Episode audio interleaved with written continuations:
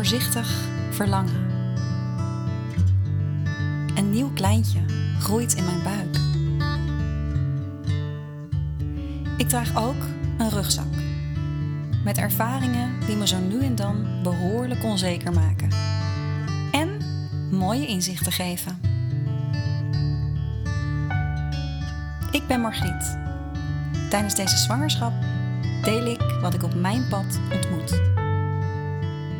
Mijn belevenissen? Ik zit hier met een mama-momentje kopje thee. En dat mag, want op 7 februari kreeg mijn verlangen, mijn voorzichtige verlangen, een naam. En zijn naam is Remy. Onze zoon. En hij is hierbij aanwezig. Hij is mijn special guest star in deze podcast. Uh, want dat kon natuurlijk niet anders dan dat hij erbij mocht zijn in deze uh, ja, afsluitende podcast van, uh, van deze serie. Hij is wat slapend aanwezig in de box, um, terwijl ik hier aan de keukentafel zit. Maar toch, hij is er. En um, dat, ja, nogmaals, dat vond ik heel erg belangrijk dat hij erbij was. Want ja, Remy heeft deze podcast, samen met andere gebeurtenissen in mijn leven natuurlijk, maar heeft deze podcast um, mogelijk gemaakt, een vorm gegeven. Ja, ik ben heel blij dat, uh, dat mijn gast, mijn eerste gast in deze podcast, uh, erbij is. Misschien ga je hem nog horen, misschien niet. Het is een heel tevreden mannetje, dus um, wie zal het zeggen? Hij is nu uh, iets meer dan een maand oud. Uh, dus uh, ja, ik heb er eventjes. Hoor hem? Hem? Dat is hem.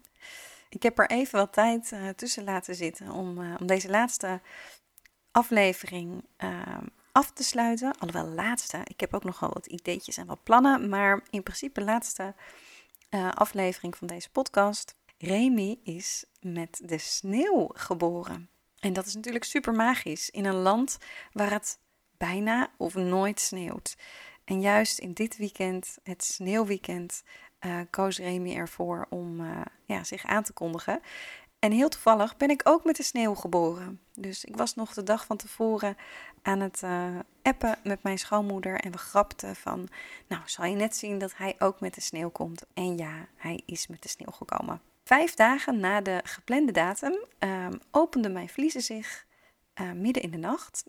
terwijl het buiten begon te sneeuwen heel eerlijk, ik heb niet naar buiten gekeken of dat exact het moment was dat de eerste sneeuwvlokjes vielen.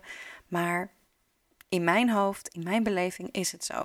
Ja, dus terwijl het buiten begon te sneeuwen, uh, begon voor mij het geboorteproces midden in de nacht. En het voelde echt een beetje als een geheimpje. Want Senna sliep natuurlijk en uh, Frank uh, sliep op de logeerkamer. Dus ze hadden niks door en ik heb ze ook lekker laten slapen. En ik ben ook weer in bed gegaan en uit bed gegaan en een beetje zo um, de uurtjes doorgemaakt. Maar ik vond het eigenlijk wel heel fijn om, ja, eventjes als een soort van geheimpje te hebben dat het eraan ging komen. Dat, uh, dat onze zoon geboren zou gaan worden binnen niet al te lange tijd. Met alle onzekerheid natuurlijk nog steeds van, nou ja, en hoe gaat hij dan komen en, uh, en, en wanneer dan precies? Um, nou, ik heb eigenlijk best wel een hele fijne ochtend gehad. Een fijne uh, start eigenlijk van de geboorte. Ik zal je trouwens niet alles gaan vertellen over de geboorte. Maar wel een aantal ja, belangrijke momenten die, uh, ja, die de kern van deze podcast raken. Ik wist natuurlijk dat ik um, in het ziekenhuis zou gaan bevallen. Aangezien Senna met een keizersnede ter wereld is gekomen. Dus ik heb thuis nog even echt wel bewust ja, de rust opgezocht. En ook op de uh, wc nog even bedacht voor mezelf. Het is een goed moment om even nog in je eigen bubbel te zitten. Van oké, welke lessen en welke tools neem ik nu mee deze dag in, deze geboorte in? Vanuit mijn reis uh, ja, tussen onzekerheid, verlangen en vertrouwen. En het antwoord dat naar boven kwam voor mij toen was dat ik ga accepteren hoe het loopt. Hoe het ook gaat lopen. He, zodat ik meega met de flow. En dat ik eerlijk ga zijn over um, ja, dingen die zich bij mij afspelen. Een stukje assertiviteit meenemen naar, uh, naar het ziekenhuis. En, dat was het laatste eigenlijk wat erbij was gekomen, mild voor mezelf proberen te zijn. Met ja, wat, wat er ook besloten gaat worden en hoe het ook gaat. Ehm, ja, en met die gedachte ben ik gaan douchen. En onder de douche kwam ineens de heldere gedachte van... Margriet, je bent nu wel heel erg lekker de tijd aan het nemen, ehm, maar het zou wel eens sneller kunnen gaan dan dat je denkt. En dat heb ik serieus genomen, want ik heb het ehm, eh, meteen aan Frank gezegd toen hij eh, eh, naar binnen kwam. Want had even met Senna in de sneeuw gespeeld. Dat, nou ja, dat het dus wel eens wat sneller zou kunnen gaan. Dus nou, hij ging lekker um, in de actiestand, zodat we ook daadwerkelijk konden gaan nou ja, ik ging nog een paar keer naar de wc. En wat, wat deze keer ook anders was dan bij Senna, was dat ik vruchtwater bleef verliezen. En uh, dat, dat kan heel normaal zijn. Um, en in dit geval was er ook een klein beetje bloed bij. Een heel klein beetje. En toen dacht ik, nou ja, dat is vast niet gek. Um, maar toen het aanhield, uh, dacht ik toch even, even googelen. En wat ik toen vond was heel verwarrend. Want de een zei het hoort erbij of het kan erbij horen. En de ander zei ja, je moet toch eventjes de verloskundige bellen. Dus de onzekerheid groeide in mij en toen besloot ik om te gaan bellen. Um, en uh, toen zei het, het, ziekenhuis van um, kom, maar, kom maar hier naartoe en probeer wat vruchtwater op te vangen, zodat we dat kunnen onderzoeken. En ja, toen ik dat hoorde, was eigenlijk meteen de ontspanning even ver te zoeken. Uh, die, uh, ja, die in de ochtend en in die nacht zo mooi was opgebouwd. Um, want ik dacht ineens, oh, misschien is het toch nog niet, is het nu op het allerlaatste moment gaat er toch nog iets mis. En dan ben je zo'n hele, hele reis heb je afgelegd en dan komt toch weer even in, in, in, in, ja, in al zijn volle glorie die onzekerheid naar boven. Maar goed, ja, dat, dat was wel gewoon wat er op dat moment gebeurde. En toen heb ik ook nog de verloskundige gebeld. Hè, dus verloskundige praktijk, waar ik uh, het eerste gedeelte van de zwangerschap zo, uh, zo fijn ben um, geholpen. En die konden me iets meer geruststellen, uh, want die zeiden ook van nou, het, komt heel vaak voor. En je, misschien is het ook wel fijn dat je nu alvast naar het ziekenhuis kan komen. Want dat had het ziekenhuis gezegd van hè, het, het, is, is geen spoed, maar, maar kom er wel deze kant op. En het was natuurlijk inmiddels steeds meer aan het sneeuwen. Dus die verloskundige zei ook, weet je misschien is het wel fijn dat je nu alvast, nu het nog niet al te regelmatig is, de, de weeën, de golvingen, om dan in ieder geval die, die reis naar het ziekenhuis te maken. Nou, en toen zijn er ook even wat tranen gevloeid. Uh, want uh, ik zei ook van ja, ik had nog het plan om nog wat meer ontspannen hier een paar uur door te brengen. En dat moet ik nu even loslaten. En ik weet al dat ik het los moet laten, maar ik vind het even moeilijk en hormonen en uh, nou ja. En dat heb ik even bij haar kunnen ventileren. En uh, eigenlijk toen ik ophing, toen voelde ik me al beter. En toen dacht ik, ja, het is ook gewoon goed om nu te gaan. Uh, nu de wegen nog enigszins goed te begaan zijn. En dat Senna ook rustig naar oma gebracht kan worden.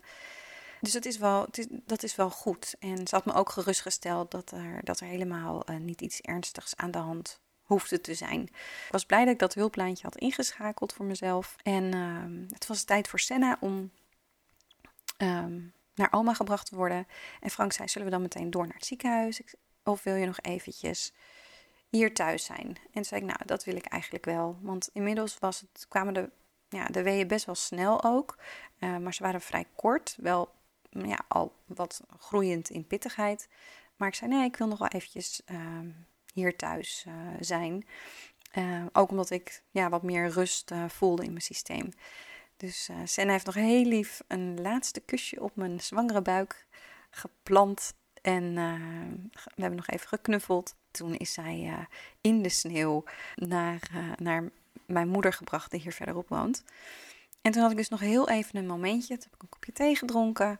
En uh, ja, de, de, de weeën zo goed mogelijk opgevangen. En uh, ik was aan het genieten van het uitzicht. Want inmiddels had het echt al ja, best wel gesneeuwd. Dus er waren allemaal kindjes buiten aan het spelen met sleetjes. En nou, die, uh, dat heb ik nog eventjes meegepakt.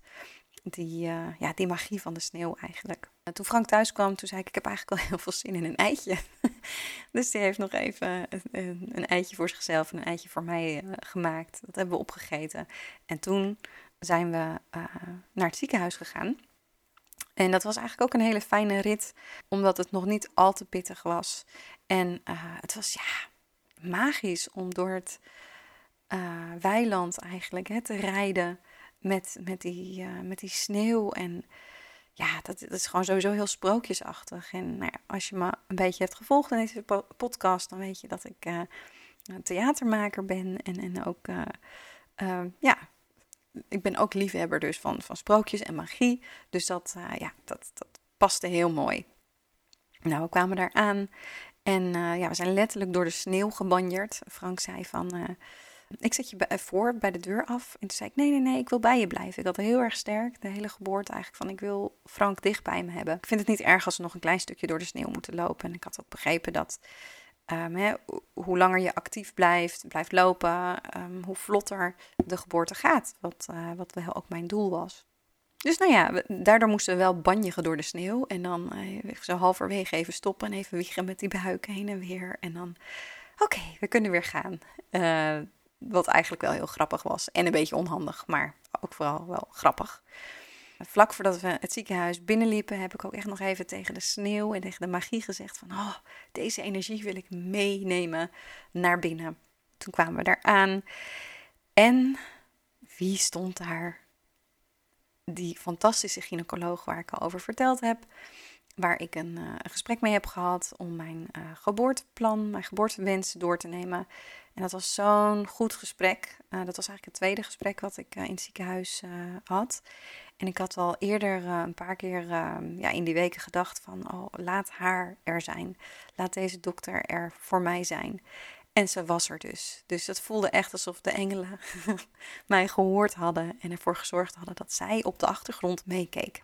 Want als het allemaal gewoon goed en, en, en, ja, een beetje volgens het plaatje zou verlopen, dan, dan hoeft er geen gynaecoloog natuurlijk uh, bij te pas te komen. Maar het idee dat zij er was, voelde heel goed. En uh, ze zei ook meteen, ah, u bent die mevrouw die graag ook uh, in bad wil, toch? Nou, die kamer is nog niet vrij, maar over een tijdje komt die kamer vrij. Dus dan uh, kunnen jullie even tot die tijd ergens anders vertoeven. En dan, dan, dan, kunnen jullie naar, die, naar die fijne grote kamer met dat bad. Nou, ik dacht echt, ze zijn er echt voor mij. We hadden ook een gigantische koffer mee met allemaal spulletjes die ik had meegenomen om het ja, een beetje mijn eigen sfeer te kunnen maken. Dus het voelde echt een beetje alsof we aan het inchecken waren in een hotel was dus een heel, ja, hele fijne uh, aankomst die we daar uh, hadden. We het vruchtwater laten onderzoeken en toen zeiden ze ook van, wil je even komen kijken naar de varens? Varens? Zeiden Frank en ik. ze zegt, ja, kom maar kijken onder de microscoop. En um, nou ja, toen heb ik dus ook nog eventjes gekeken tussen de weeën door. En dat was prachtig wat ik daar zag.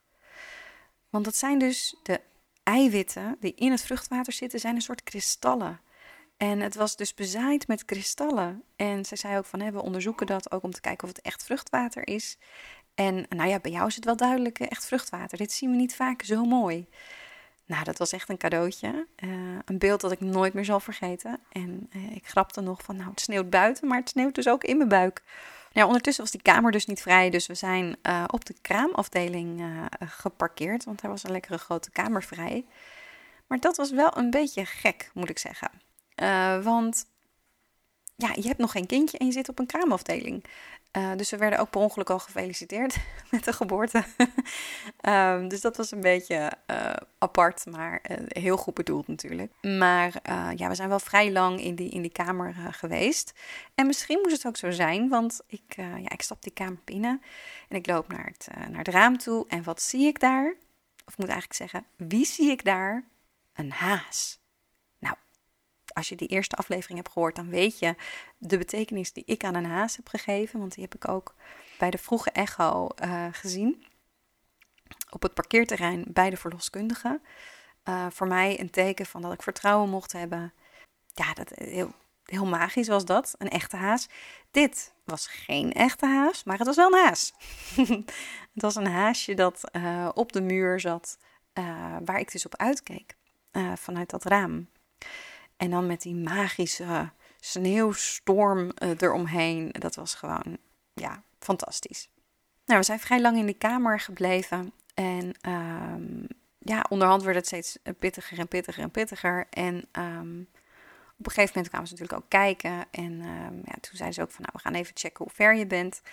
En toen was ik nog maar 4 centimeter. Of tenminste, ik had nog maar 4 centimeter ontsluiting. En ondertussen hoor ik Remy een beetje wakker worden. We gaan kijken hoe lang ik nog mijn verhaal mag doen. Of dat hij mee gaat praten. Maar goed, die 4 centimeter was wel een beetje een tegenvaller, omdat het voelde als 8 centimeter. Ja, ik was nog steeds op die soort van tussenkamer. Um, en uh, op dat moment hebben we ook besloten van oké, we gaan nu wel naar de kamer toe met dat, uh, met dat bad. En die bleek in... hey lieve Remy, ik ga even naar Remy toe. Ik, uh, ik kom zo terug bij jou.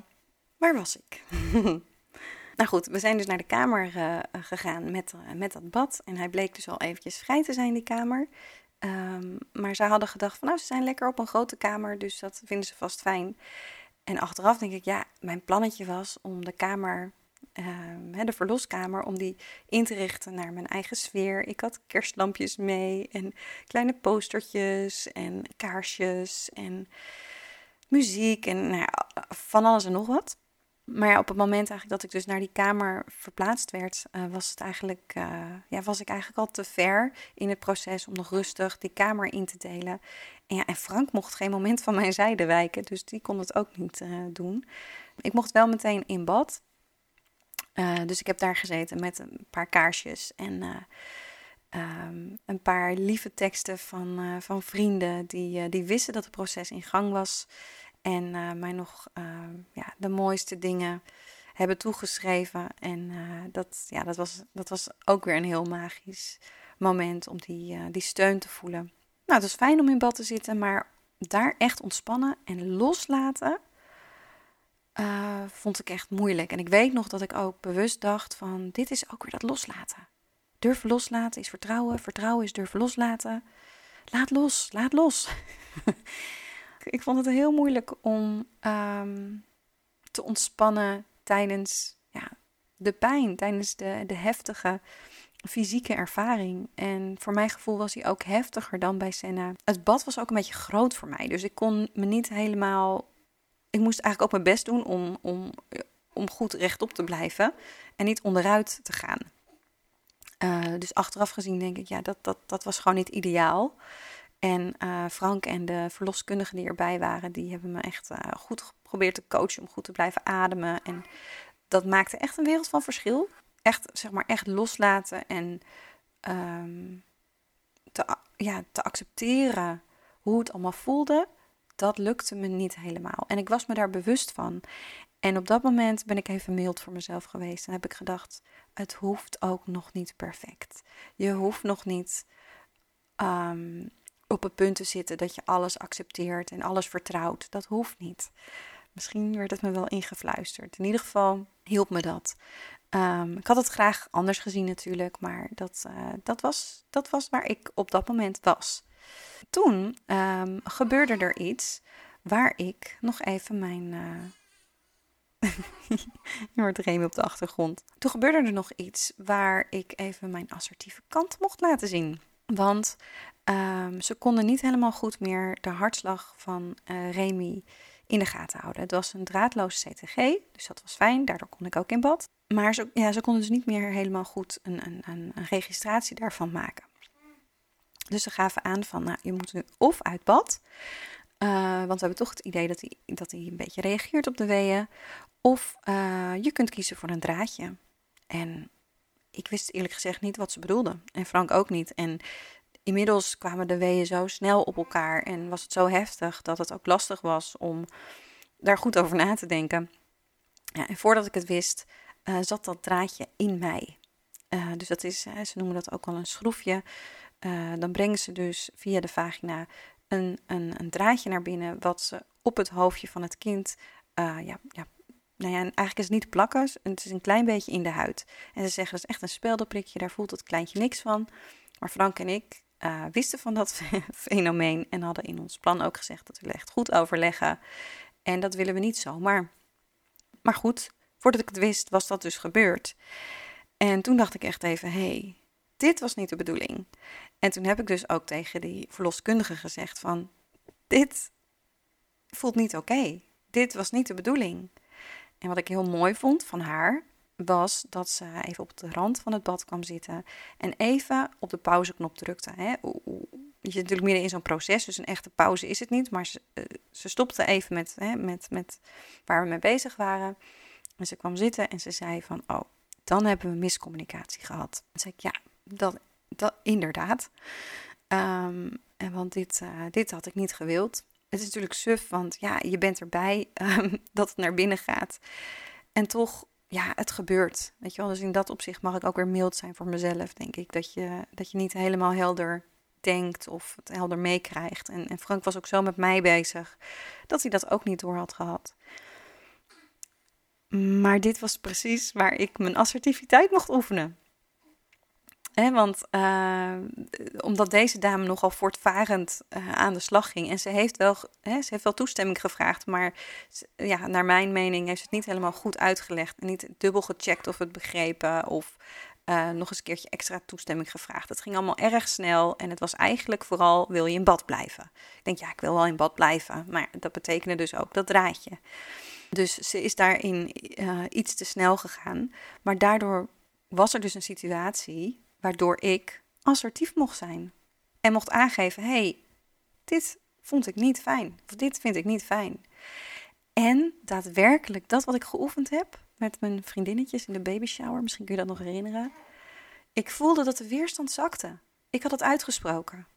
Zij had erop gereageerd. Dat heeft me echt geholpen. Daardoor kon ik weer terug de flow in en uh, ja, mee met het proces. Dus dat was eigenlijk een heel mooi moment dat we dat hebben meegemaakt. Dat ik dat heb meegemaakt. Nou goed, uiteindelijk um, um, hadden ze dus toch zoiets van: ja, het, komt niet echt goed op gang. Het werd uiteindelijk wel 6 centimeter. Uh, maar het, ja, het ging, ging niet al te snel en het was, was gewoon voor mij al heel heftig. En ik zat zelf eigenlijk al op een spoor van, nou, ik wil niet nog extra oxytocine hè, om de weeën nog heftiger te maken. Um, dat heb ik ook heel duidelijk tegen Frank gezegd.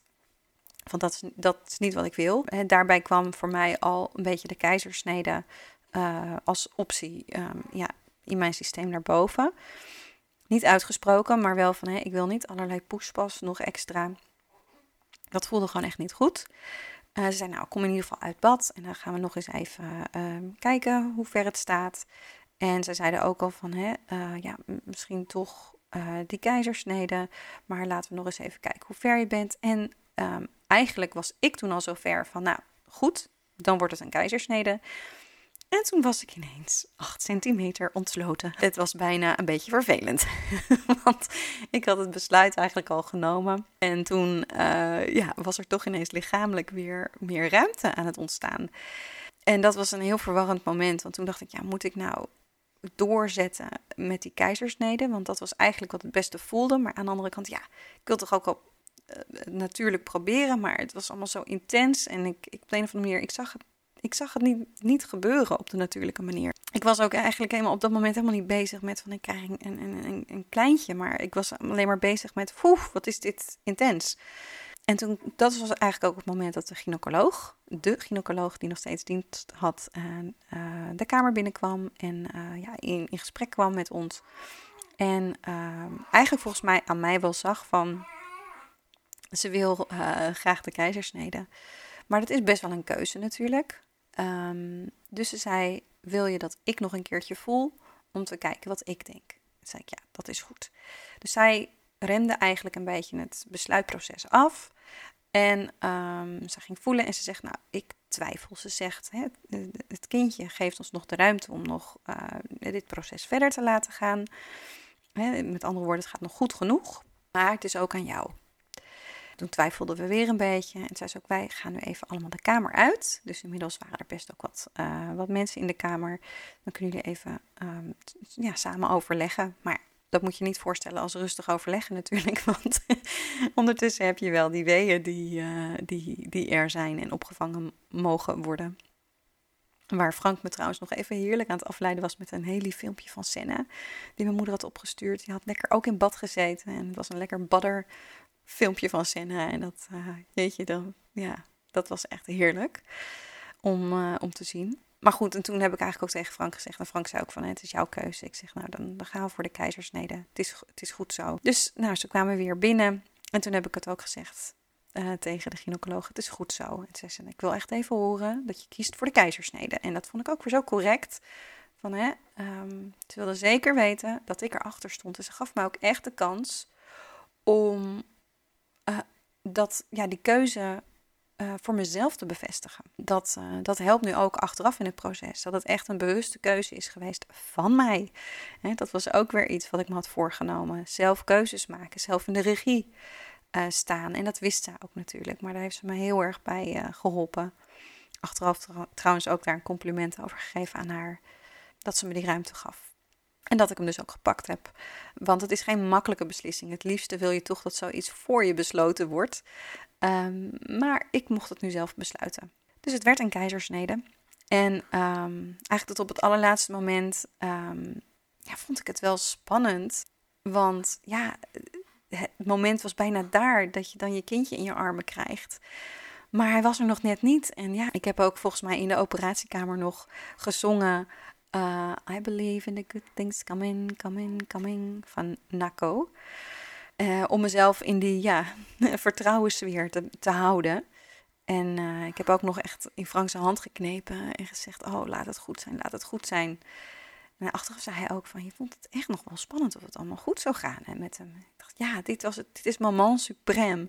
Het was toch ergens wel het slot van die hele reis die ik gemaakt heb met eerst een miskraam en daarna klachten aan het begin van de zwangerschap met Remy. En dan wel of niet voor zo'n NIPT-test gaan en dan niet gaan voor zo'n test. En dus nergens bevestigd krijgen dat het allemaal goed zit. Uh, behalve tijdens de 20 weken echo natuurlijk, dat je dan al wel al, uh, daar hebben we positief nieuws gekregen. Maar ja, je weet het gewoon ook nog niet totdat het moment daar is. Dus ik vond het best nog wel spannend. En wat mij dus hielp was die mantra's en um, het uitspreken. Nou, en toen kwam die eruit en hij begon meteen te huilen. En dat was ja, zo'n fijn geluid. Want Senna was een stuk stiller en had wat opstartproblemen. Maar Remy had meteen geluid. En uh, na, de, na de check, die ze eigenlijk altijd doen bij een keizersnede, kwam die lekker op mijn borst uh, um, te liggen. En zijn we met z'n drietjes, hebben we, ja, hebben we contact gemaakt. In die prachtige kleine oogjes gekeken. En ja, ik word er een beetje emotioneel van.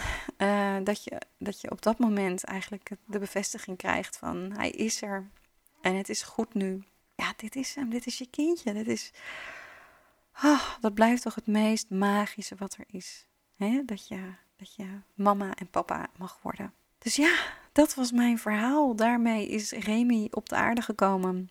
Wat nog wel mooi was, uh, dat uh, toen wij uit het ziekenhuis uh, weggingen, twee nachtjes later, dat ik keek naar de nummerplaten. Nou, als je vaker hebt geluisterd, dan weet je ook dat ik iets met getallen heb en dat ze tegen me praten.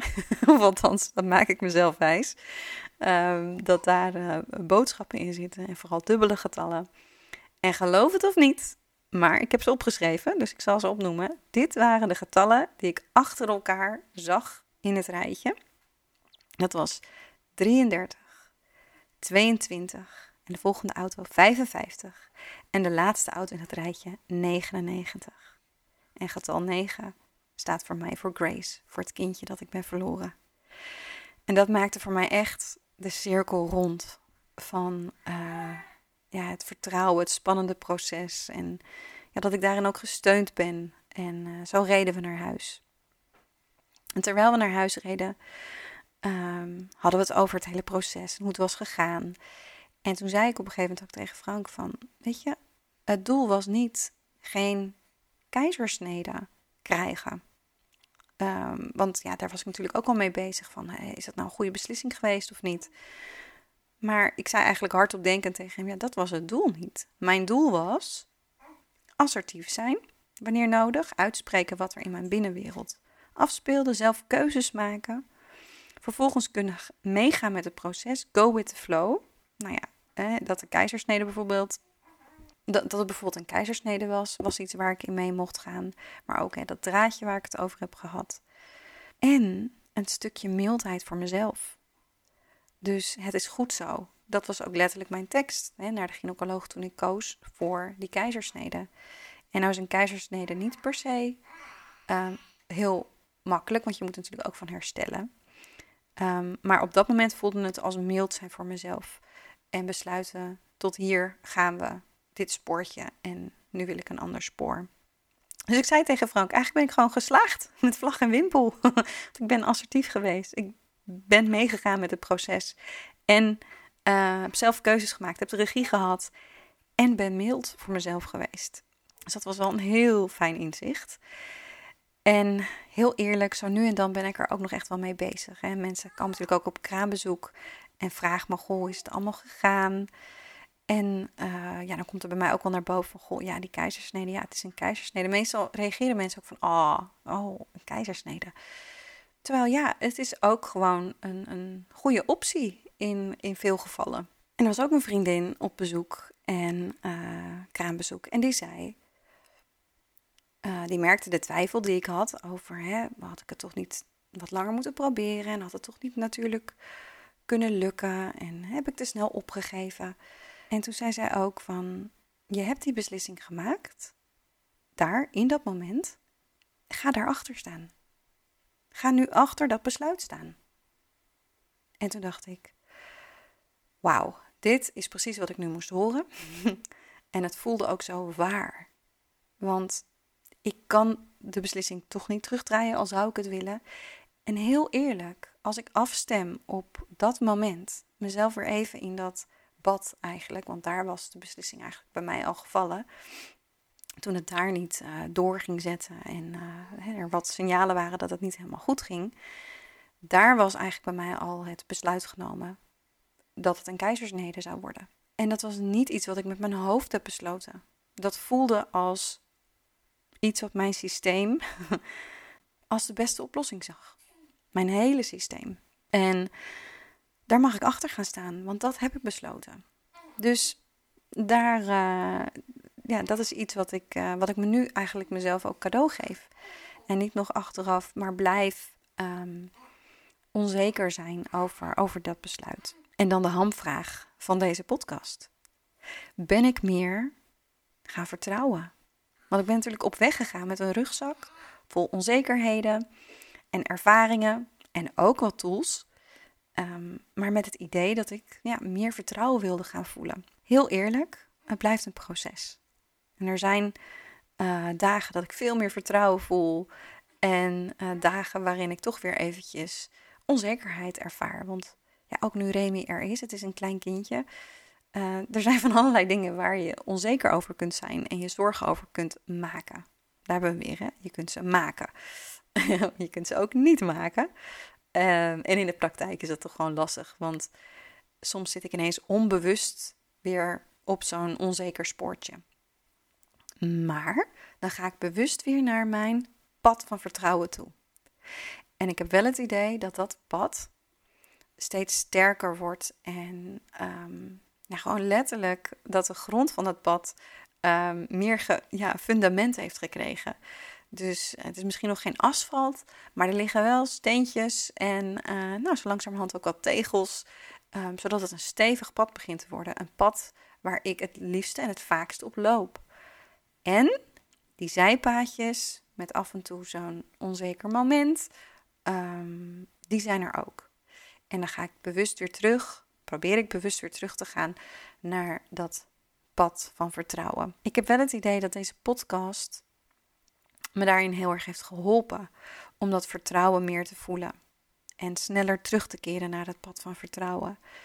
En door het wekelijks of om de paar weken even met mezelf en met jou het daarover te hebben. Van oké, wat is er nou afgelopen tijd gebeurd en hoe ga ik daarmee om? Wat vond ik lastig? Wat heeft me geholpen?